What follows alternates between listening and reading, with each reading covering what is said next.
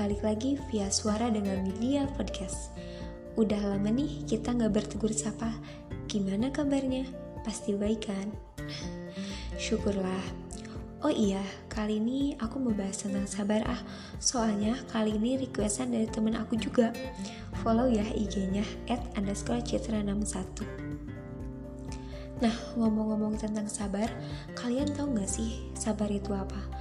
Kan banyak nih ketika kita ditimpa musibah, ada yang ngomong yang sabar ya, aduh sabar ya, aduh kamu harus sabar. Tapi apa sih ya arti sabar itu sendiri? Kalau menurut aku sih ya, sabar itu menahan diri dari sesuatu yang merugikan atau dari hal yang gak baik. Ya intinya kalau kena musibah gak boleh lah mikir negatif Gak boleh mikir jelek. Kalau kalian terkena musibah, coba libatkan Tuhan yang emang selalu melindungi kita dan keluarga kita. Always positif ya. By the way, sabar itu banyak macamnya loh. Kalau kita ambil dari segi agama, sabar itu adalah sabar ketaatan, sabar maksiat, sabar menghadapi takdir. Itu aku ambil dari artikel at Jaka Permana.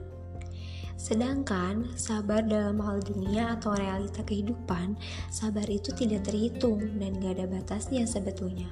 Cuman kita yang bisa membatasinya ke arah jalan mana ujung kesabaran kita. Nah, mungkin itu podcast episode kali ini. Semoga bermanfaat. Stay terus ya di podcast di podcast aku. Bye.